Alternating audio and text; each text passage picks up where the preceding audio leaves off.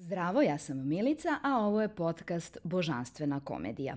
Podcast koji preispituje tabue i stereotipe, a uz veliku podršku kompanije Visa – čiji projekat She's Next inspiriše, osnažuje i edukuje preduzetnice.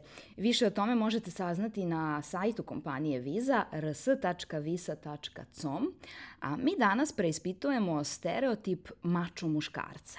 Neke uvrežene slike koja se nameće muškarcima još od kad su dečaci, pa im se govori da se ne igraju lutkama jer lutke su za devojčice, da ne treba da plaču jer je i plakanje za devojčice i tako odgajamo jednu generaciju za generacijom muškarce koji ne pokazuju svoje osjećanja i po statistici je, nažalost, mnogo veći broj suicida kod muškaraca nego kod žena. Ovo nije samo srpska, ovo je globalna statistika i zato mislim da je baš važno da preispitamo taj model muškarca koji nam se nameće. A moj današnji gost je netipičan muškarac, ali on je van šablona u svakom smislu. Moj današnji gost je Milan Maglov.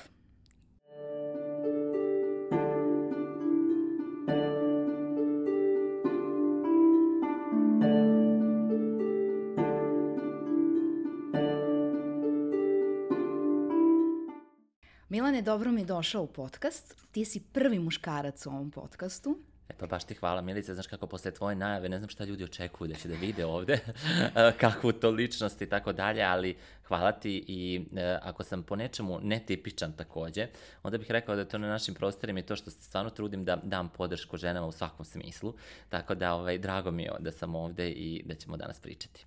Kada sam rekla da ću te zvati u podcast, dobila sam ili reakcije jao Milan, on je car, ili kao neko kulutanje očima, kao jao Maglov. Onda pitam, a što jao? Ne znaju da mi kažu. I to su uglavnom ljudi iz te marketinške branše i onda sam ja zaključila da to u stvari malo ima ljubomore najviše i tih je uh, srećom manje nego ovih koji te stvarno vole, a nekako ja imam utisak, pošto se dugo znamo i znamo se iz nekih neformalnih edukacija od pre više godina, ne moram da kažem koliko, uh, uvek si bio uh, bez dlake na jeziku i otvoren i Uh, imam utisak i dan danas kada imaš baš veliki broj pratilaca da ta tvoja javna slika nije mnogo različita od onog Milana koji sedne na kafu i kad se ugasi telefon i, i, i kamera.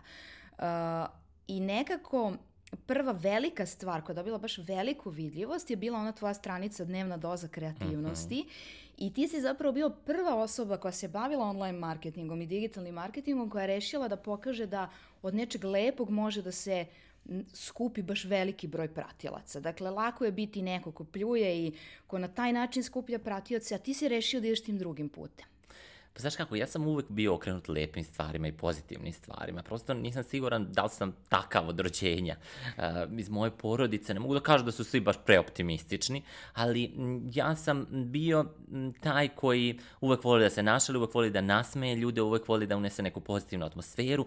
Ne, moram priznati da nekako čini mi se da su ljudi volili da se druže sa mnom uvek, jer upravo kao uvek voliš takvu jednu ličnost koja ti neće mračiti, već će te negde obradovati sa nečim ili onako zabaviti, nasmejati i u tom smislu nekako je ono čime se ja bavim na društvenim mrežama javno, jeste negde ima taj pozitivni predznak. Neko bi mogo da me opiše kome uh, gleda na taj način kao ja ovo me nasmeje, ulepša mi dan, meni često to kažu. E sad naravno može neko da kaže vidi i ona budala, mislim. I uh, moram ti priznati sad kad kažeš to, da li je neko ljubomer i tako dalje, ja moram priznati da se ne opterećujem time kao šta je sad to u nečoj glavi, jer kad uđem malo u tu analizu i razmišljam o tome, onda malo se i uplašim, kao šta to može da bude, jer kao, svako za sebe misli, jo, pa ja sam dobrica jedna, ja kao sve radim, ok, u životu, što bi meni neko ne bi voleo, kao i tako da, da. nešto. U tom smislu, ume to malo da ti se onako ovaj, uvuče u mozak pa da previše uh, analiziraš zašto, kako. Onda ta prevelika analiza uh, te sve više odvodi od onog što u suštini ti jesi, ako, ako ćeš se baviti time pa da onda koriguješ. E, e, to sam isto primetila i čak sam e, pokazivala ne, nekim e, ženama koje su me na ovom poslednjem vize e, e, događaju baš pitale koji je to sadržaj da stavljam na društvene mreže, a tvoje predavanje je bilo upravo u toku m, i onda sam pomislila pa čekaj, a, ako ti se sviđa to što Milan radi, uradi baš to što on radi. Dakle, on bi sad izvadio telefon i rekao bi evo sedimo, evo snimamo podcast. Mislim da je to možda ono što ljudi vole, što imaju uh, iluziju da su tu tvoji drugari, sede tu s tobom, neposredno su tu s tobom. Jeste, ja uh, sam stvarno prijateljski nastrojen prema ljudi, prosto volim ljude, znaš, uopšte ljude volim. I onda, uh, valja to ljudi i osete i meni se vrlo često dešava da mi onako ti ljudi koji me prate, kada me vide, oni potrče u zagrljaj i tako to. Mislim, meni je to simpatično. Još uvek nije počeo da me nervira. Ne znam ako se desi možda da to bude na nekom većem nivou. Na primjer, u posljednjih nekih godinu dana, odnosno evo tokom ove godine, moram priznati da nekako osjećam to da me mnogo više ljudi prepoznaje nego pre. A ko su to ljudi? Jesu to neki ono, klinci, tinejdžeri, ja, žene, ne. gospođe? Moram ti priznati, da, mene prate najviše žene. Znači, zaista, prosto mene žene voli, ja volim žene i to je sjajno negde kombinacija. Um, međutim, ja sam uvek razmišljao koji je to tip žena onako. I u posljednje vreme kada više analiziram, a, zaista sjajno mi je to što me prati toliko žena koje su i uspešne i um, um, nekako bave se najrazličitim poslovima i na najrazličitim su uh, pozicijama. Mislim, nije meni važno sad da neka, že mene prati direktorka, a ne domaćica. Ušte ne delim ljude uh, po tom principu, ali uh, bih rekao da su to nekako neki sjajni ljudi. Ja ih stvarno tako opisujem vrlo često uh, kada analiziram različite neke influencere, mislim da, znaš, ono kao glupa reći, ali moja publika je najbolja. a stvarno sjajni ljudi me prate i prosto uh, dešava mi se ta, ta negde poklapanje energija, oni se jave. Znaš, meni bude jako čudno, a ne želim da se utripujem nešto oko toga. Ali baš na vizinom uh, um, eventu prišla mi jedna devojka kao Mila, možemo se fotografišemo, kao naravno. I ona onako drhti, Milica. Ja sam u zonu, bože, ja kažem njoj, ali ja nisam Zdravko Čolić. Još.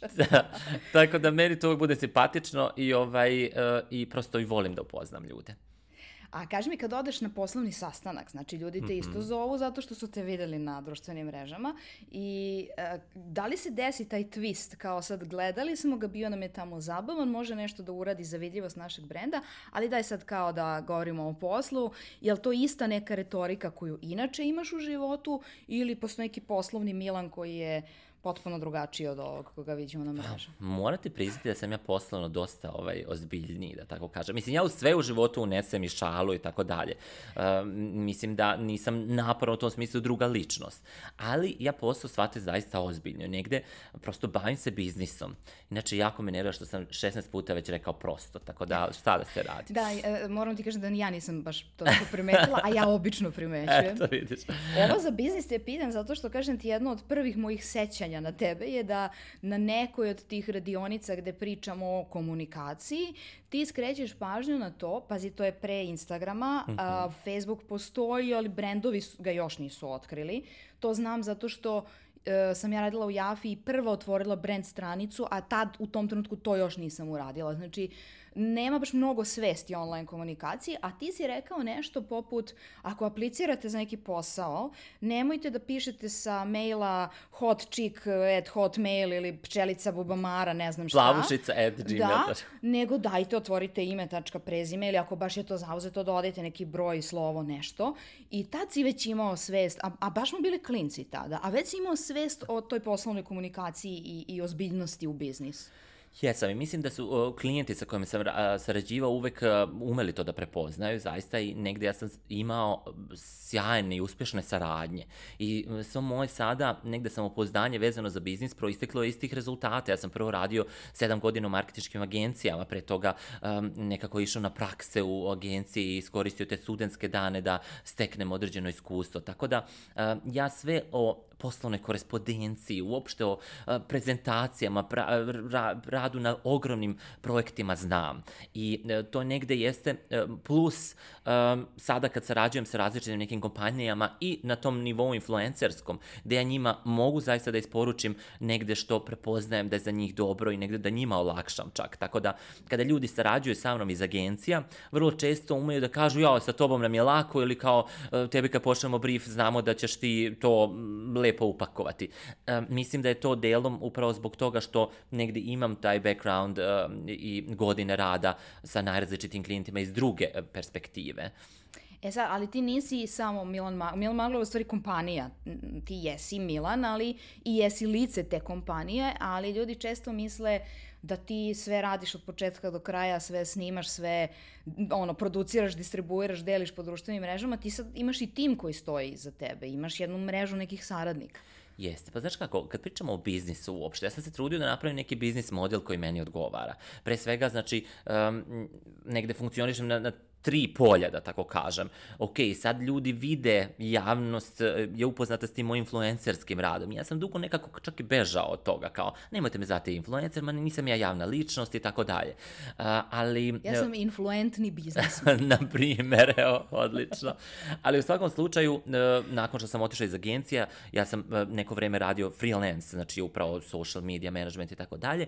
Potom sam negde napravio agenciju svoju i tim ljudi koji se time bavi, S druge strane, bavim se edukacijama jako dugo, imam svoje i online kurseve i kurseve koje držim uživo i to negde sve se sklapa u jednu celinu. I onda, znaš, nekad se desi da ljudi na društvenim mrežama posebno su vrlo glasni o tim o biznisima i nivou njihovog biznisa, pa onda idu tako u neke isto podcaste, pa nešto pričaju, daju neke savete biznisa, o biznisima. I ja sam vrlo često u fazonu, Žao mi je što to kod nas nema, mislim, iskreno, ok, nisam ja neka osoba koja uh, je sad u fazonu, evo sad ću ja da pričam o svojim uh, uh, financijskom uh, stanju i tako dalje, ali, znaš, u Americi se znao koliko ti zarađuješ.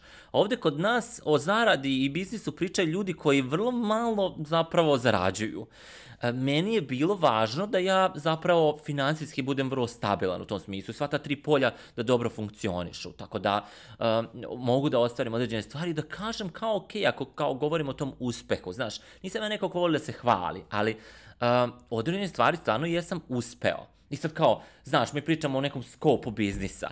Znaš, ja sam sad sam, sad sam na nivou da li pričati o tom ili ne, ali, na primjer, znaš, ko, mene uvek zanima kao, dobro, a šta si uradio? Si uspeo, jel, ima, jel kupio stan? Znaš, na primjer, da, ja, da. ja sam nego, uspeo sam da kupim, na primjer, za šest godina tri stana. Meni to, na primjer, važan neki pokazatelj takođe nečega s čime se baviš. Naravno, neko ulaže, neko ulaže u svoj biznis i dalje, pa prosto uh, se to pre premotava na drugi način i nije sve u nekratninama. Ali uh, čini mi se da vrlo često o biznisu i uspehu pričaju ljudi koji zapravo imaju onako na računu 50.000 dinara. Da, slažem se. Ili su influenceri koji praktično žive od stvari koje im se šalju da bi objavljivali na društvenim mrežama. Na znaš, i onda je to kao uspeh neke veliki. Da. A zanimljivo što si pomenuo stan, kada sam uh, se spremala za ovaj razgovor, uh, bez obzira na to što se znamo, uh, sam htela malo da vidim šta se piše to o tebi. Kada ukucaš u Google, kreneš da kucaš Milan Maglov, prva stvar koja izlazi je kurs i to je mm -hmm. strava, znači SEO ti super radi, ali sledeće stvari su Milan Maglov stan i Milan Maglov partner.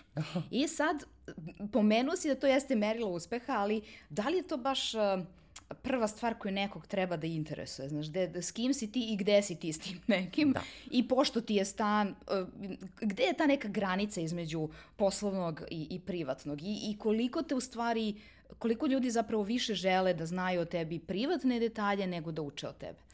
Pa znaš kako, Milice, e, ja sam znatiželjna osoba, tako da razumem s druge strane kad je neko znatiželjan. Znaš, ne mogu sad da kažem ja od sramih bilo.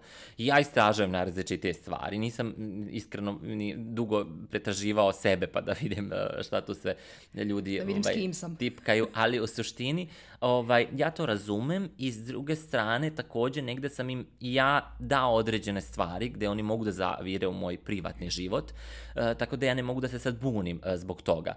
Uh, ja kada sam se preselio u novi stan, vide ljudi gde živim, vid, prepoznaju zgradu u tom, u tom smislu. Ja sam nekad pomišljao, bože, može neko da mi dole čeka ili nešto se desilo. Da li sam ja normalan? On, da, da, da, stvarno pomislim nekad i to. Moja ma mama ili tako neko ume da kaže, jao, što to. Ali opet kao, ne znam si pratka.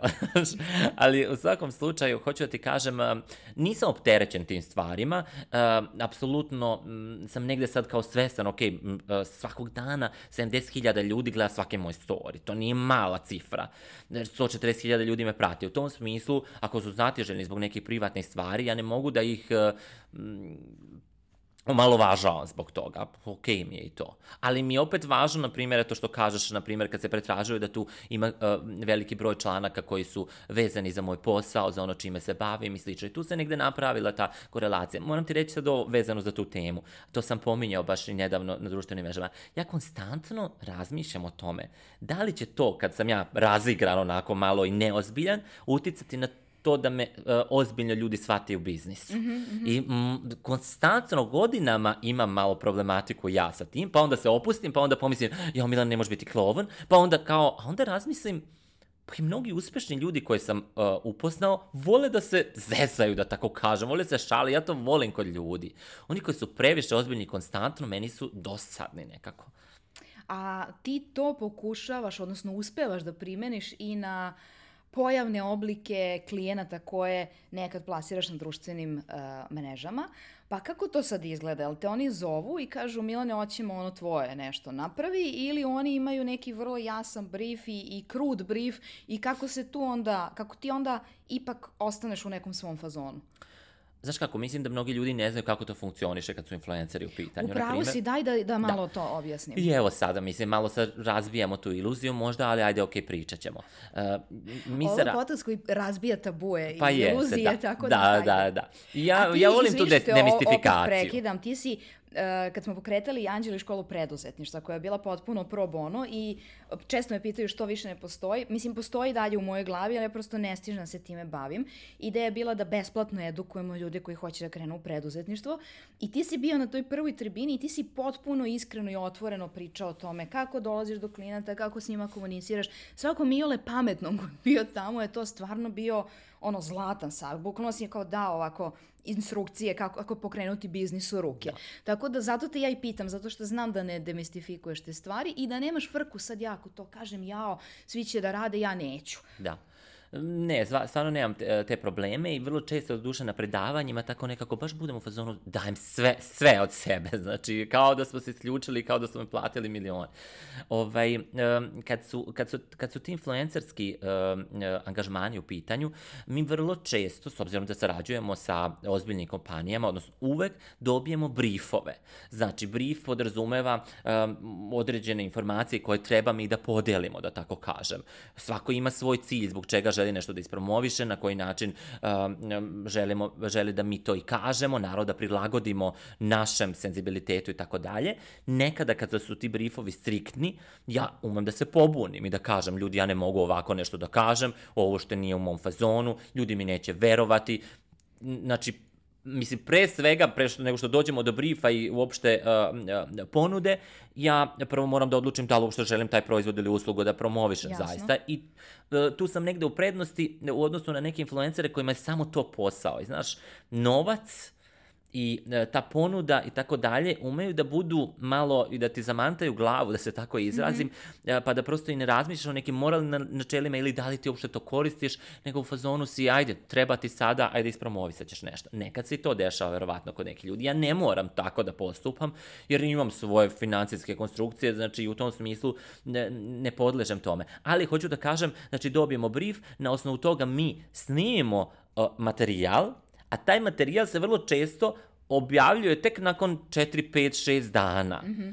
I onda tu je sad ceo proces za koji ljudi ne znaju e, šta to stoji iza. Ja sam, na primjer, nekada snimio to pre 6 dana, a tek danas to objavljam, oni misle da je to danas i prosto tako funkcioniše uh, ta cela priča.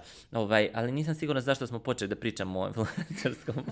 Pri, pričali smo o tome koliko ti zadržiš sebe, pa jesi zapravo odgovorio, mm -hmm. znaš, koliko ti zadržiš sebe i koliko imaš tu slobodu da kažeš... Da, ali moram ti sad ispričati jednu priču. Uh, pozove me jedan uh, klijent koji ima uh, onako ekskluzivni salon namešta, italijanski brend i tako dalje. I on kaže, ja bih volio ti da, da predstaviš. Inače, ljudi uh, koji mene prate uh, jako dobro reaguju sve što, uh, na sve što je vezano za uh, uređenje doma, prosto dom, sve, sve, sve proizvode, dekoraciju, najrazličitije stvari. Svi klijenti koji sa mnom sarađuju iz te oblasti zaista dobijaju mnogo ja sam uh, njih vodio kroz to uređenje mog novog doma i tako dalje, oni su to pratili i sad stvarno sjajno reaguju na to. I meni kad se nešto dopadne, ok, ja sam pristao na to. Ja sam došao tamo, video sam kako to sve lepo izgleda, ja sam onako uh, prilagodio svoj nastup tome. Ja, ja mislim da sam stvarno to super upakovao lepo, pa onako na fin način da ljudi vide o čemu se tu radi i tako dalje. Objavim ja to i kaže meni nakon nekoliko dana taj vlasnik, jao Milane, kao super je, meni je sve super bilo, ali eto samo da ti prenesem sugestiju, kao neki ljudi koji su uh, tebe prate, a znaju i nas, rekli su kao nekako nije nam dovoljno bio to vrcav, kao znaš ono njegovo, kao znaš. Ja sad razmišljam, uh, ja mislim da sam dobro uradio, prosto imamo određeni brend koji zahteva određenu ozbiljnost. Mm -hmm. Znači, da sam ja došao tamo i pravio kolut napred na tom krevetu njihovom koji imaju, gde bi to otišlo? To bi odvelo ljude od, od tog brenda na, na glupiranje. Tako da, ali vidiš, zanimljivo mi je bilo da to njima bilo jedno ultimativno uh, uh, iskustvo zbog kog su oni zapravo mene i angažovali, jer sam ja tako malo vrcaviji da, da. i umem da uh, budem opušten i da uh, ubacim malo humora u predstavljanje nečega. A to je baš nevjerovatno, u stvari, znaš šta ti se desilo? Da dobiješ... Uh da klijent stavi ispred vrednosti svog brenda tvoje da. o, ili ono što misli da su da. tvoje da. vrednosti. Ja sam čak više mislio o njima da, da, nego da. oni o sami sebi. Fantastično, da. da. da, da. E, a nekada slikaš i porodicu. Kako mm -hmm. oni reaguju? Kako je, uopšte, kako je njima uh, delovao taj tvoj posao? Znaš, to je sad, mi smo generacija koja je uh, uh, kojoj se internet desio u toku života, da. znaš, ne, ne, ne, nemamo ga od uvek i samim tim naši roditelji su neko kome internet baš nije naročito blizak. Da. I sad, ka, kako, ti si jedno pomenuo kako, kako su, eto, on, oni bi verovatno više volili da si neki doktor ili inženjer ili tako nešto ozbiljno, kao da je ovo neozbiljno što radiš, ali iz njihove perspektive, kako je to uh, u početku delovalo? Jesu ti uopšte davali podršku ili samo tu brigu što nisi doktor inženjer? Da. Znaš kako, ja dolazim e, iz jedne divne porodice, stvarno mogu da kažem, i što sam stariji, e, negde shvatam vrednost toga zaista negde to je bila ceo život moja baza e, i za sve što se desi, ako se sve sruši, ja nekako njima mogu da se obratim. To je stvarno ogromna, e, čini mi se, vrednost u životu. E, međutim, moram priznati da na moje želje i neke planove i ciljeve od kad sam još bio u osnovnoj ili srednjoj školi, moji roditelji nisu baš reagovali uvek sjajno i sa podrškom, ne zato što su zli, već prosto nisu razumeli. Naprotiv. Da, da. Zato što Nis... su ti želeli ono što oni misle da je najbolje. Upravo tako, prepostavljam da tako većina roditelja onako svoje neke projekcije ima i slično. I onda kad sam ja želeo da idem u Ameriku, jao gde ćeš tamo, jao kad sam želeo da upišem drugu srednju školu, šta će ti to, kad sam želeo da a, posle a, nastavim još studije, a, sve to nešto bilo, nije da oni nisu želeli da se ja obra, obrazujem, nego kao otkud to, šta će ti to. A, a, tako da su im suludo izgledale neke moje ideje, ali e, hvala Bogu da sam imao nekako hrabrosti i a, da se i suprostavim nekada i da isteram to svoje.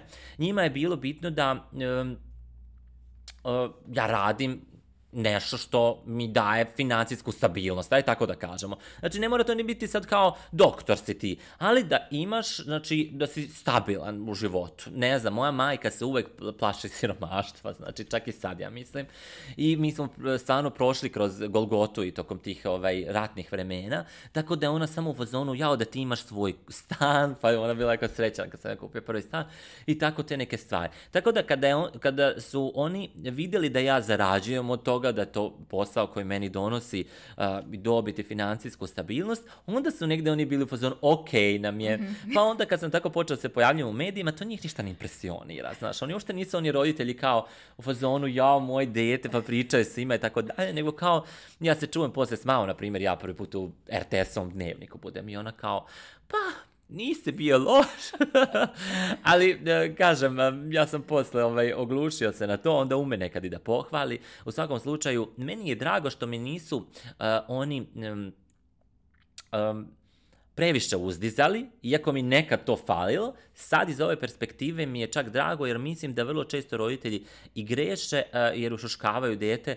i uh, možda i previše ga hvale kad je nisu zaslužili, a onda se često desi da ta deca postanu uh, da se ne izrazim nekako ružno, ali problematično, da tako kažem, i da, da ne moju da se sastave kasnije.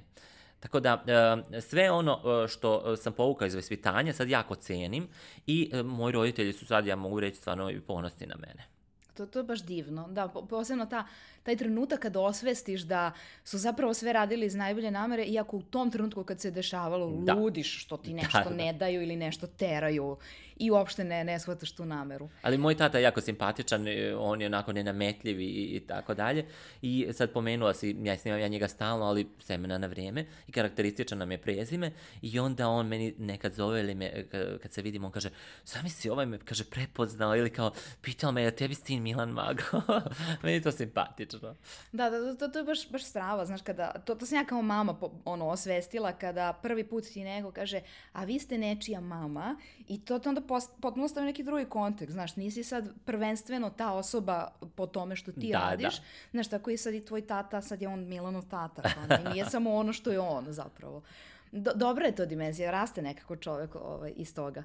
E, ali htela sam da ti kažem, pomenuo si jednom trenutku jako veliki broj pratilaca i to što oni prate od tvojih sadržaja i to tebi na neki način onda nameće i neku odgovornost i e, neverovatno je kako to zapravo isključivo zavisi od odgovornosti pojedinca. Znaš da ti, si, ti bi mogao da budeš nekakva drugačija osoba koja hoće da plasira neke zle misli ili ne nešto ružno i ti bi sigurno među svojim pratiocima imao plodno tle i za to. Ali ti ipak osjećaš jednu odgovornost da Mislim, takav si i čovek da ne misliš zlo o ljudima, niti pričaš, ali nekada pričaš i o stvarima koje nisu tako vrcave i duhovite. Nekad pričaš o mentalnom zdravlju, pomenuo si da podržava žene preduzetnice, nekad meni ljudi ne veraju, kao, evo stavio te Milan Maglov na story, kao, pošto je to, ja kažem, tu, on je stavio jer ceni ono što ja radim, isto kao što je stavio nekih deset drugih žena, jer prosto ceni to što radimo, ali kako to izabereš? Jel to se desi da kao jednog dana shvatiš da je to problem ili rešiš da se fokusiraš na neke druge važne stvari jer si svestan da imaš pratioce? Nekad se desi spontano da ja šta god da mi je u glavi trenutno podijelim sa ljudima i na ozbiljniji način i mislim da dobro reaguju i na to. Ja ponekad pomislim upravo ono što sam malo pre rekao, da li će se sva, da li će shvatiti kad je to u pitanju, međutim vide oni tu drugu dimenziju, sad to mnogo više prepoznajem. A s druge strane, moram ti priznati, nekada i strateški razmišljam, ok, Milane, imaš platformu, pratite ogroman broj ljudi, konstantno deliš najrazličitije informacije, šta bi to još moglo da bude, uh, čime ćeš ti malo dugoročnije uh, da se baviš? Uh, I jedna od tema, upravo kao što si pomenula, jeste ta podrška ženama, ali ne samo kad su preduzetnice u pitanju, nego ne znam zašto, Milice, ali kako bih rekao, odnosno i znam, ja sam od žena mnogo dobio u životu. I kad su u pitanju saradnje, i kad je u pitanju ta ljubav velika i tako dalje. I onda moram da ti kažem da e, ja kada sam razmišljao o tome, ja sam samo pomislio, ja želim stvarno kontinualno da radim na tome kad god mogu da pružim neku podršku ženama. Da li je to u pitanju rodna ravnopravnost, da li je to u pitanju da treba da budu plaćene kao muškarci, ja mislim da uh, žene mogu mnogo da pomognu ženama, ali uh, takođe nekako zar nije sjajno i kad muškarci žele da uzdignu još više žene. I um, godinama sam upoznavao sjajne žene na najrazličitijim, u najrazličitijim situacijama. Imam uh, prijateljice koje su sjajne, sarađivao sam sa sjajnim ženama i nekako kao da sam zaključio da je jedna od mojih životnih misija da pokušam da uzdignem žene uh, što više je moguće to. U našem društvu znaš i sama da je to malo um, tematika koja nije baš svima super, muškarci načelno podržavaju žene, s druge strane onako kad treba da se založe za njih e, ili da kažu na poslu ne, ja želim da moja koleginica koja radi isto kao ja ima istu platu kao ja, to se vrlo redko desi. Mm -hmm.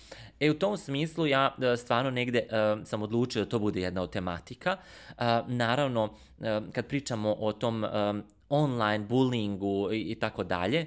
Uh, to je takođe jedna tematika o kojoj volim da pričam. Uh, I uh, mislim, sad nam je svima ono što nam je negde važno, a to je to negde zagađenje, ekologija i a, vazduh koji dišemo i negde sam stvarno odlučio da u narednom periodu se pozabavim više o, to, o, o, i tom temom. Može sad neko reći, vidi njega strateški sad bira teme, ali ja mislim da to jeste važno da se malo porazmisli, da onako a, imamo određene teme, ne može se svime baviti a, konstantno. Jasno, da, ja, onda se izgubi fokus i ne mogu ti sve teme ni biti jednako važne, da. i, iskreno. A, ako bih zaista voleo, uh, ako, ako bih razmišljao po čemu bi ljudi uh, mogli da me pamte za, ne znam, 10 godina, ja bih stvarno voleo da to bude tema da sam uh, negde pomagao ženama ovaj, na različitim nivoima. E, da, zanimljiva je ta tema. Misliš da, da ti je iz uh, porodice, da li su to neke vrednosti koje su ti se podsvesno usadile gledajući odnos svojih roditelja ili si nekako sam uspeo da osvestiš gledajući kolektive u kojima si radio i koleginice i svoje okruženje? Oko mene su vrlo često bile snažne žene. Moja majka je jedna jaka, snažna žena koja je vodila onako porodicu uvek. Naravno, otac e, je tu um, takođe značajna figura, ali e, nekako tokom odrastanja bio sam više pod uticajem majke, možda se može reći. Uh, iako sam umeo da se izvučem iz toga kada ona pretera sa tim svojim ovaj, viđenjem mog života. Uh, ovaj, ali hoću da kažem i kasnije tokom uh, uh, moje karijere, nekako sam uh, imao i direktorke koje su bile žene u, u tim marketičkim agencijama i uh, na različite načine sam posmatrao žene i shvatao koliko je njihova jačina, a zapravo koliko možda i nisu dovoljno cenjene ovaj, uh, u, u, u društvu koliko bi trebale, na primjer. Zato što su možda imale drugačiji odnos prema tebi. Ako si imao ženu koja ti je direktorka, na primjer, i muškarca koji ti je direktor, da li tu postoji razlika uh, prema zaposlenima. Mislim, ja imam svoje mišljenje kao žena, ali bih volila ti kao muškarac koji si stvarno radio u različitim kolektivima da možda da. izvučeš neki zaključak. Uh, pa moje iskustvo je da su vrlo često u tim kolektivima žene bile sposobnije jednostavno, kako da ti kažem, znači, um, stvarno su, upoznao sam mnoge one žene zmajice, ne znam kako da kažem. Znači, sposobne su i organizovane su, imaju više empatije. U tom smislu, nekako kao da su muškarci onda precenjeni. Ima sjajnih muškaraca, naravno mi se glupo sada reći kao da, sad, da me neko ne zvati uh, pogrešno. Uh, sarađivo sam sjajni, sa sjajnim muškarcima, ali uh, ja bih zaista volao da mnogo više žena bude i koji, koji odlučuju o budućnosti naše zemlje. Mislim, imamo premijerku ženu. Ja, nažalost, nekako nisam zadovoljan uh, toliko uh, time koliko ona uh, utiče na prava žena, na primjer. Volio bi da se to malo popravi. Da, da, da, više ovaj, kao, kao neka figura koja možda nekog inspiriše nego što se stvarno u praksi to, to dešava. Um, A reci mi, ti si i svojoj sestri pomogao da krene tim influencerskim putem, tako da imaš uvid i u te njene društvene mreže i sve što mm -hmm. radi. Uh, kada pomenuo si neki hejt na, na internetu i te neke negativne komentare, ali tu osjećaš neku razliku između svojih profila i njenih profila? Ne, ne osjećam razliku. Znaš u čemu osjećam razliku? Tačno kako ti raste profil, tako uh, se u jednom trenutku kao pojaviti hejteri. Znači ja, na primjer, dok nisam, dok nisam nikom bo oči, da tako kažem, dok sam imao i 50-60 hiljada pratilaca, nisam se bavio tim influencerskim posao, poslom, ok, određeni broj ljudi jeste gledao moj story, ja sam bio u fazonu, konstantno sam govorio, mene niko ne hejtuje, baš divni ljudi. Što Instagram jedno lepo. Da, jesno. kako je lepo i tako dalje. Onda što sam više rastao, da tako kažem, na tim društvenim mrežama, negde je valjda neminovno da ima onih ljudi koji te i ne vole. Uh, I ja, znaš kako, čudno to nekad bude ljudima kad kažem, ali ja pokušam da ih shvatim. Zato što nije da ni ja se nisam susreo nekad u životu s tim da pomislim, ma šta, otkud sad ovaj, kao sad, otkud, otkud on radi tu kampanju i tako dalje. Iako sam to u sebi naučio da stišam i da se orijentišam na neke druge stvari, kako da ja postignem nešto, a ne da se bavim tim nekim drugim ili tom ljubomorom koji si u jednom trenutku ti pomenula. Ma da ja ne volim da govorim, ono, znaš, ja svi su ljubomori na mene. Ja ne mislim da sam ja centar sveta. Ja mislim da je to jako važno osvestiti kod mnogih ljudi. Ljudi misle da su oni najvažniji, da se sve okreće oko njih, da se svi bave njima na društvenim mrežama. Ja uopšte ne mislim da je tako. Ali hoću da kažem, um, um, u jednom trenutku zaista, onako meni neko javi ili tako dalje, ja ovo, kao pljuju te, ne znam, na Twitteru i tako nešto. I onda ja kao prvu, na prvu loptu sam, iako sam ostvarena ličnost negde, smatram za sebi da sam dovoljno snažan, ja kad sam video neke komentare, ja se kao smorio. Ne znam ka, ka, da li ti možeš to da zamisliš, ali ja sam pomislio, jo, strašno, šta meni ovo treba, jako što bavim se određenim stvarima ozbiljnim, mogu sam da živim i lepo i bez toga da se ja nešto plasiram javno. Pa onda pomisliš zašto to misli. Ti pa, na primer, sad oni, na primer, nemam, nemam problem i da to kažem. Na primer, ja odem uh, negde tamo, uh, i čitam te komentare. Znači, e, samo da kažem ovo, kod mene na profilu toga uopšte nema. Znači, svi ove moje pratioci, nikad ja neću ču, uh, videti nešto u komentarima uh, tako nešto negativno. Znači, tu je gomila neke pozitivne energije. Međutim, na tim nekim drugim društvenim mrežama, tipa, na primjer, oni um, pišu sledeće jao koliko je ljigav ovaj maglov. Mi je, bukvalno mi se povraća od njega. Na primjer, takva vrsta komentara. Ja sad pomislim, jo, bože, što li sam Što ja se čovjeku povraća od mene ili Što li ženi, sam je toliko da. ljigav? Da. Da, šta, šta ja toliko radim da to bude ljigavo? Kao, ili kao tako, kao kako mi je odvratan. Um, nisam baš video te neke kao tipa ubio bi ga, ali ima tako, ono, treba ga ubiti, odstreliti ili šta god. Za razne ljude. To je meni šok bio, zato što Valjda svi mi nekako mislimo kao dobro o sebi, što ja kao baš dobro, ja, ja sam jedna dobrica, što bi mene neko na taj način opisivao.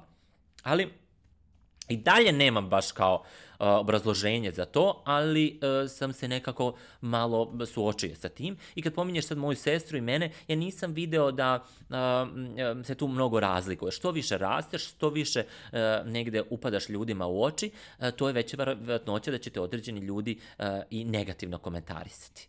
E, nažalost, tako je. To se nije samo meni desilo, to se dešava svima na toj javnoj sceni. Da, svima i na svaku temu, da. Znaš šta ja ne uspevam da razumem? Ja uh, mogu da razumem da si ti, na primer, Posebno to viđem kod drugarica koje su s malim bebama mm -hmm. i zbog toga jako redko izlaze i njima su društvene mreže praktično neki prozor u svet, nešto gde one mogu s nekim da razgovaraju. I onda recimo mogu da se posvađaju s nekim na društvenim mrežama jer vrlo vatreno zastupaju svoje stanovište da se mora dojiti, na primer, mm -hmm. ili da se ne mora dojiti. Šta god daje, u stanju su se raspravljaju ono po 5-6 nekih e, odgovora jedno drugom.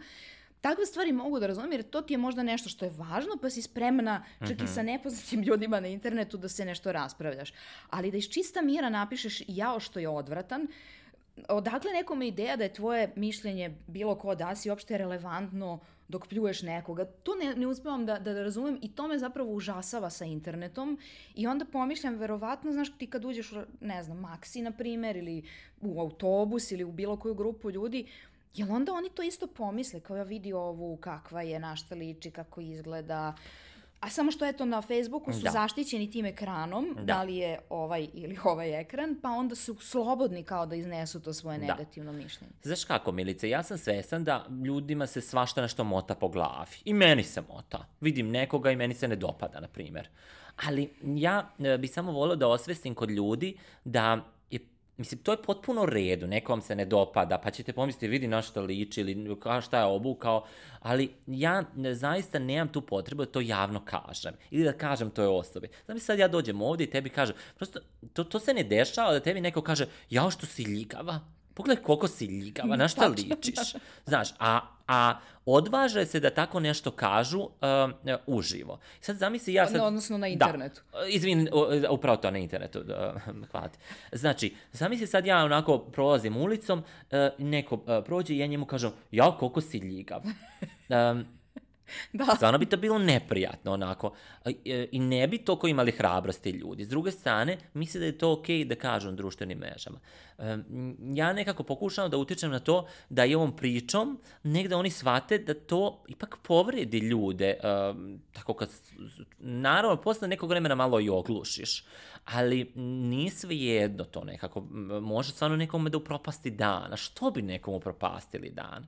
Mada, kad govorimo o ovoj temi, o, uopšte javnih ličnosti na društvenim mrežama influencera, moram ti reći, uh, imam osjećaj da uh, što više ljudi me prati, konstantno moram malo da imam i tu neku cenzuru, da cenzurišem samog sebe. Mm -hmm. Znači, ne mogu baš o svemu da pričam što, čemu bi želeo, jer upravo to nosi određene komentare. Ne mogu baš tek tako da izrazim uh, svoj stav u bilo čemu, jer odmah znam na moj neki koji, stav koji je malo radikalniji, da idu silne poruke i raspravljanje o tome uh, da, onih koji se ne slažu. S druge strane, ako ćete vi biti na sve teme konstantno politički korektni, onda postajete neka krpa bleda, tako ništa. Da, onda nemaš svoj stav. Da, i onda tu je konstantno negde uh, uh, vaganje, da tako kažem. I uh, ono što sad dolazi takođe i kod nas u velikoj meri, A to je ta cancel kultura iz Amerike, gde uh, se vrlo brzo ljudi okome na vas ukoliko uh, kažete nešto uh, što se ne slaže, čime se oni ne slažu ili što je malo nešto radikalnije. Uh, to doživljavaju brendovi, ali i ličnosti. Tako da, uh, takođe, kad je ta hajka u pitanju, uh, im, ovako, problematika. Zašto influenceri nešto uh, ne govore o toj temi? Kad kažeš nešto, što ti ni, što govoriš, što nisi otišao na protest? Odeš na protest, baš je to jedna koleginica e, pričala, a ja potpuno se slažem, odeš na protest, evo otišao na protest samo da se snimi. Odeš na protest, ne snimiš se. Što je odlazio, kod da nini bio. Tako da, onda, znaš, nekada i tako izlače iz tebe, zašto se ne baviš time, zašto sad ti ne kažeš to nešto? Ne želim, evo to, trenutno da pričam o tome, na primjer ili kao nemam mišljenje o tome. Jel, jel, jel, imam pravo na to da nemam mišljenje o tome. Ili nisam dovoljno edukovan da pričam sad ja o svemu. Uh, da, to, to se baš najređe zapravo dešava. To je, e, kažu ljudi u japanskoj kulturi, vrlo često odgovor da kad te neko pita, na primjer, šta misliš o kako igrala reprezentacija, ti kažeš, ja ne poznajem dovoljno futbal i nećemo da pričamo o tome. A kod nas ljudi imaju mišljenje o svemu. Da. Ne, ne samo mišljenje, nego su i stručnjaci. One ma izlače nešto. Ja, ja stvarno nema problem sa tim da kažem, ja stvarno nisam dovoljno upoznat nekako ne osjećam se stručnim. Nedavno su me zvali isto na neku tematiku da, da govorim na pravnom fakultetu, na neku tematiku vezanu za položaj žena u društvu. Evo baš to, to je sad naša tematika. Ali ja sam njima rekao, znate kako, ja mogu da kažem neke svoje stave, ali ja nisam stručna osoba da pričam baš šire o položaju žena u društvu. I onda smo našli neku drugu temu o kojoj bi ja razgovarao. Da, zanimljivo. Znaš, htjela bih u stvari, e, pošto sam sigurna da ovaj podcast neće ni doći do ljudi koji govore jao kako je neko ljigav, uh, nego ipak imaju malo više svesti o generalno životu, pa i o društvenim mrežama. Uh, da se vratim na onu tvoju primetbu o slanju mailova sa čudnih adresa. Uh, da ukažemo na to da sve što radi neko na internetu ne radi samo sam sa sobom, niti to vidi samo ta osoba koja je napisana. To vide svi kontakti na internetu. To može da utiče ozbiljno na, igra, na izgradnju nečeg ličnog brenda. Iako ljudi možda nisu svesni da kao, eto, ja sam tamo neka osoba zaposlena u nekoj firmi, koji sam pa ja sad brand, nisam ja Milan Maglov, na primer, da prosto sve što rade na internetu ostaje na internetu i vidljivo je svima i, i ima veze s tim kako će drugi ljudi da ih, da ih doživljavaju. Pa ja mislim da ljudi nisu ni svesni koliko o, zapravo je to važno i um, posebno ukoliko uh, planiraju da se bave nekom ozbiljnijom profesijom, da tako kažem, da će vrlo često neki HR menadžer ili neko iz te kompanije pretražiti njihovo ime na internetu, znači vidjeti šta su oni to radili. Um, Znaš, meni se dešavalo vrlo često da sam i regrutovao ljude i srađivao sam sa najrazličitim tipovima ljudi, birao asistente, birao um, promoterke, u jednom trenutku hostese po celoj Srbiji uh, i uh, meni je bilo fascinantno, na primjer, kakve fotografije ljudi šalju kada šalju, na primjer, CV. Ja i dalje mislim da, da, da, da ne znam, ne, ljudi nemaju svest ili da nema dovoljno edukacije o tome kako šalješ CV. Znači, sećam se jednom, jedna devojka je poslala CV da bude asistent na ozbiljnoj poziciji, legla je u kupaćem, ovako kao na parket, ovako, ispred nekog kredenca, da tako kažem, i poslala mi tu fotografiju kao, eto, to je njeno predstavljanje. Mislim, um, upravo si, apsolutno sve što se radi na, na internetu negde ostaje. S druge strane, naravno da ne treba ni to da bude sad bojazan, onda neko u fazonu, ja ništa ne smijem da stavljam, bolje ja da čutim i tako dalje. Ne, ja stvarno mislim, ako imaš šta da kažeš, reci na ovim društvenim mrežama. Stvarno, to je sada platforma koja ti omogućava da ti kažeš neki svoj stav. Godinama su ljudi tako bili, nikad nisu živo u nekom malom mestu, niko ne može da, da, da, da da ni sazna njihov, kakav je njihov briljantni um. Sada, na primjer, stvarno društvene mreže to omogućavaju. Ja sam za to da se odvažite, naravno, da, da, da, razmišljate o tom šta je vaš cilj i na koji način želite da se predstavite, ali stvarno sada imamo i na neki način slobodu i da dođemo do nekih drugih ljudi, da možda, to sam sad pomenuo, živiš u nekom malom mestu, osjećaš se nekako klaustrofobično i onda ne poznaješ tu, nema drugih ljudi kao što su si ti i onda preko društvenih mreža uh, se otvoriš malo i dođeš do nekih ljudi koji zapravo su tvoj meč, uh, tvoj soulmate ili um, saradnik uh, ili kako god. Znači, stvarno, uh, kad pričamo o tim društvenim mrežama, u ovakvim situacijama vrlo često umemo da kažemo neke negativne strane. Ima ih, naravno, ja nisam slep na to. Ali ja sam stvarno okrenuti ka tim pozitivnim stranama društvenih mreža koji ima mnogo. Da, zaista ima. Imam, poznam ja momka iz nekog jako malog sela u Srbiji koji u tom svom okruženju nije uopšte našao razumevanje za njegovo interesovanje za modu, recimo, da. i za, za dizajn, a onda je, zahvaljujući tome što ima internet, uh, saznavao, pratio sve te modne uh, časopise, portale i brendove i on sada piše za velike te internacionalne modne, modne Eto, magazine, upravo zahvaljujući tome što mu je internet bio prozor u svet iz tog malog sela. Njega uvek navodim kao primer baš za to što, što sad kažeš. Um, a kaži mi, pomenuo si osnaživanje žena, ili ima neki stereotip uh, koji tebi lično smeta, koji bih hteo da, da preispitamo, da ukažemo na nešto što je što vidiš kao problem društva i obično problemi društva nisu samo naši lokalni, obično uh mhm. -huh. su globalni. Uh, što misliš da je važno i o čemu treba da se priča više? Znaš kako, sad ću se vratiti samo na jednu tepu kada pričamo o stereotipima. Um, ljudi vole um, da određenu osobu stave u boks. Mm -hmm. I ja bih volio sad malo da popričamo o tome. Uh, žao mi je ljudi koji su uh, uh, multitalentovani, jer vrlo često nekako uh, ili ih neozbiljno shvataju ili kao uh, ostanu neostvareni na različitim poljima, a imaju toliko toga da ponude. Znači, uh, nije to samo kod nas, to je u svetu. Uh, jednostavno, baviš se time, šta ti sad hoćeš i to da radiš još, kao, ne možeš ti to. Ili kao, ma ti, ti si smešan, ti, o, aj ispričaj vic. Uh, u tom smislu, uh, konstantno uh, mi se čini da jeste problematika, da tako kažem, da ne dozvoljavamo nekim ljudima da uh, procvetaju na pravi način i da budu i više nekih stvari. Uh, pa, um, kada su žene u pitanju, tu uvek ima toga da, uh, znaš, možda se ti susrećeš s tima, možda ne, baš me zanima, ali uh, vrlo često, znaš, kao, joj, ona nije dobra majka ako, ne znam, non stop priča o karijeri ili tako nešto, znaš, ono kao, ma ko zna gde su joj deca, da li je dadilje uh, su, uh, ovaj, uh, brinu o deci. Uh, nekako, m, glupo reći sad, mi je žao, ali možda, možda je pogrešna reč. Uh, žao mi je što uh, žene nekada i ne mogu da iskažu sve, sve talente koji, koji, koji imaju i što ih ponekad i osuđuju kada rade na više polja. Uh, kao šta ova sada, kao hoće još i ovo da radi. Da, ne, meni to ne govore u lice, kao što si primetio ovaj, da, da ljudi obično u lice slavo govore, ali ko zna šta pišu po Twitteru, nisam tamo, imam nalog, ali sam baš redko tamo, a ne, ne označe me kada, kada me pominju, tako da ko zna šta pričaju zaista. Ja se zaista divim uh, ljudima, ne samo ženama, ali posebno ženama, uh, koje najrazličitije stvari rade. Ja sam u kako uspe, svaka joj čast. Znači, uh, ja to gledam s te pozitivne strane. Mislim da neki čak gledaju kao, ma, ova skrenula, kao šta će joj sad još i to. Da, da, da. Nekako pokušam, ja ponekad pomislim, bože, otkud snagi to osobi da još nešto radi, ali s druge strane osjećam ogromno poštovanje prema tome što neki ljudi su toliko dobro organizovani da mogu da postignu uh, uh, najrazličitije stvari.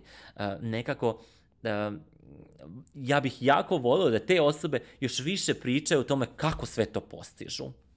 Jer da. nekad ja uhvatim sebe da radim mnogo stvari i meni moji prijatelji kažu, ja, ti svašta nešto uspevaš, ali ja nekad kao, treba mi vazduha i tako dalje, pa me zanima da kako je tim ljudima ovaj, e, koji uspeo. Mislim, ti si dobar primjer da pričaš o tome šta sve radiš ovaj, i uh, nekad jeste e, zabluda e, da, da, da je tim ljudima sve lako isto. Nije, nije nam lako kad radimo više stvari, ali ja se jako divim kad neko uspeva na različitim nivoima da bude mene, uspešan. Mene užasno često pitaju kako sve postižeš i mene, mislim da zabrinjava me to pitanje, ne, ne mogu da kažem nervira me, jer je jako opasno da pomisliš da je neko sve postiže.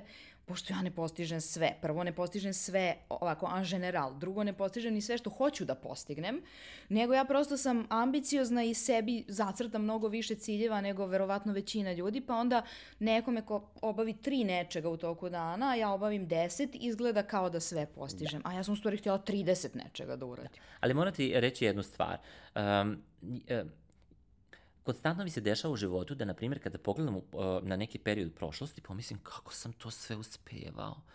Kao, a sad opet kao i radim još neke stvari, ali, na primjer, kada sam uh, radio u agenciji i imao sam dan od 10 radnih sati, šta sam sve mogao da uradim tokom dana, uh, i ja izađem iz agencije i počnem da radim sa nekoliko klijenata, laganica mi je, ja osetim posle, na primjer, dva meseca koliko ja manje stvari mogu tokom dana da uradim. Mm -hmm. To je određena vrsta treninga takođe. Mi smo kao u nekom treningu da više stvari radim.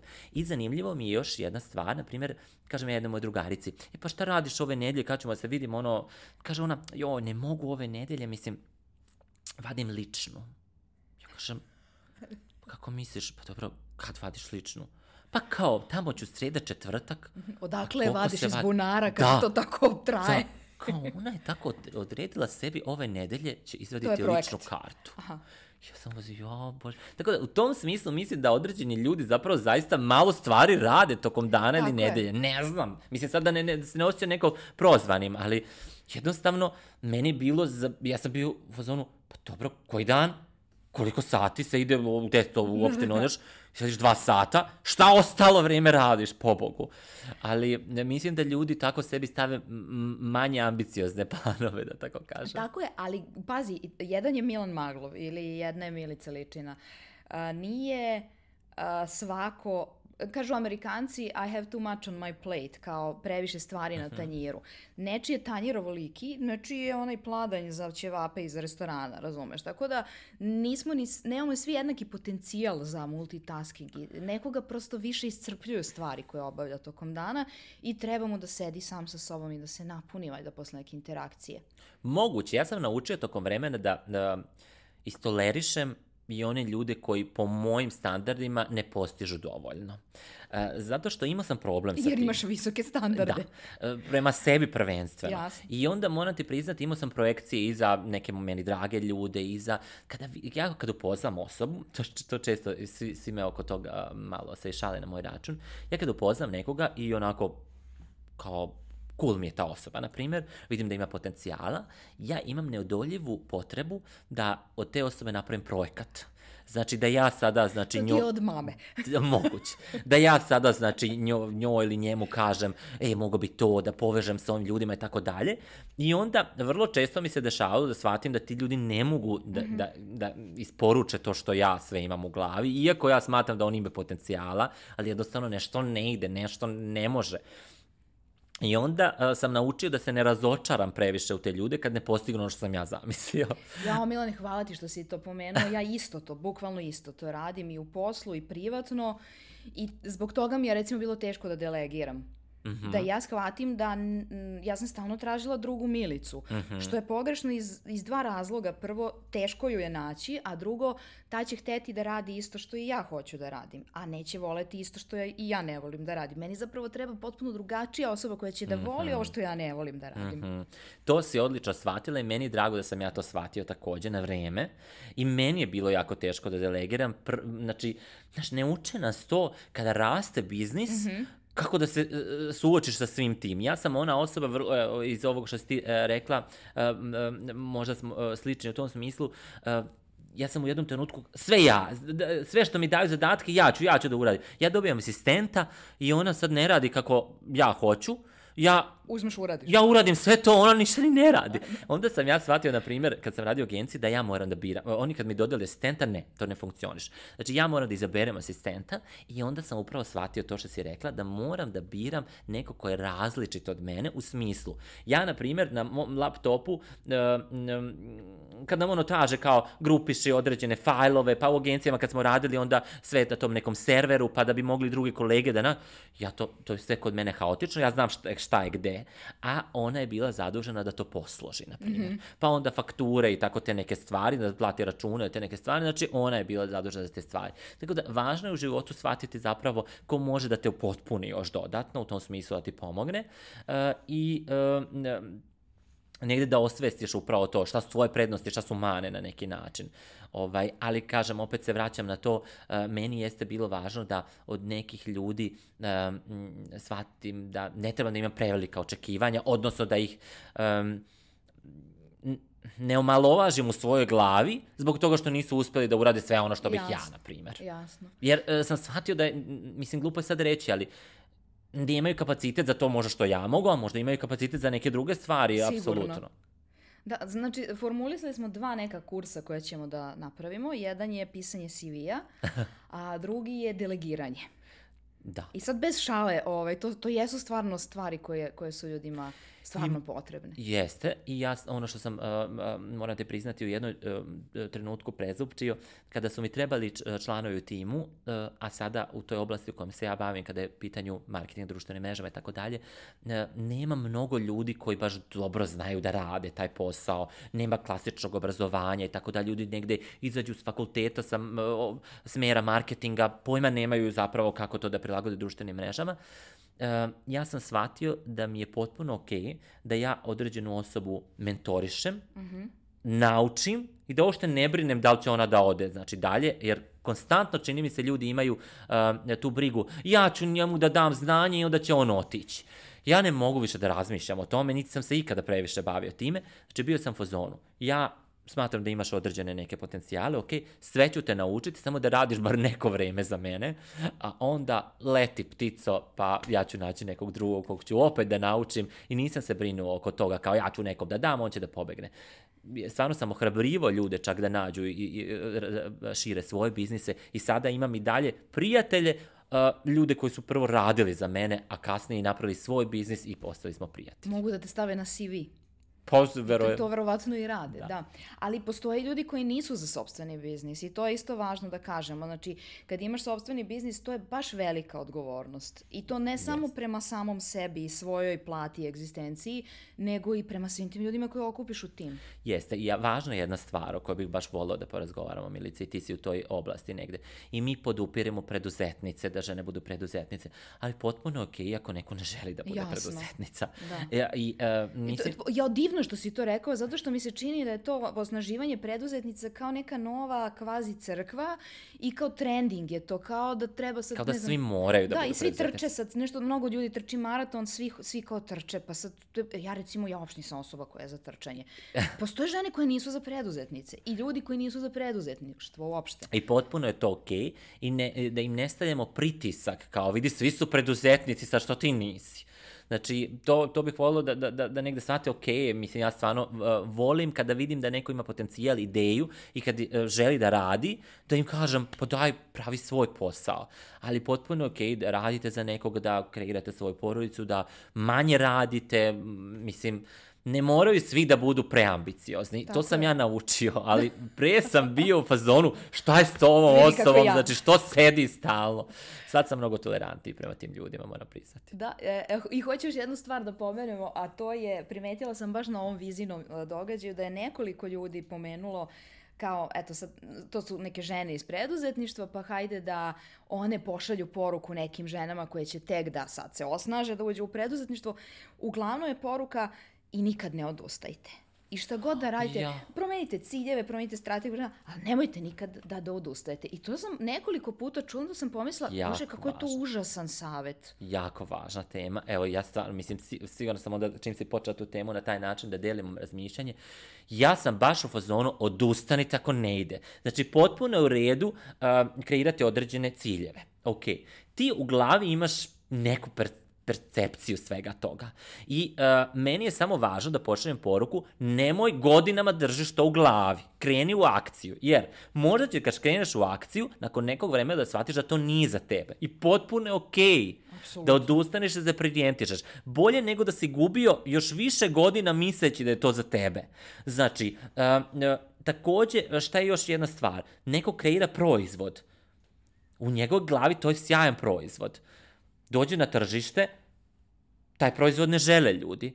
I šta sad, ne odustaj. Pa odustani, vidiš da niko ne želi taj proizvod, nađi nešto drugo, pobogu. Tako da, ja nisam za to da, da, da, da kažem nikad ne odustaj, ali jesam za to da kažem ne odustaj ako se nisi dovoljno potrudio, znaš, u tom smislu ništa nisi, nisi ni prešao na treći korak, a već si odustao. E, nekada dovoljno ljudi ne, ne, ne ispipaju sve što je moguće, a odustanu. U tom smislu mislim da to nije dobro. Ali ako te to ne ispunja, ako zaista nisi negde srećan više u tome, ako te to e, jako stresira, s, mislim, prolazimo mi kroz sve to i naravno neće na prvi stres odustati. Ali zaista negde mislim da je... E, ako danima si nesrećan sa tim, potpuno je okej okay da odustaneš.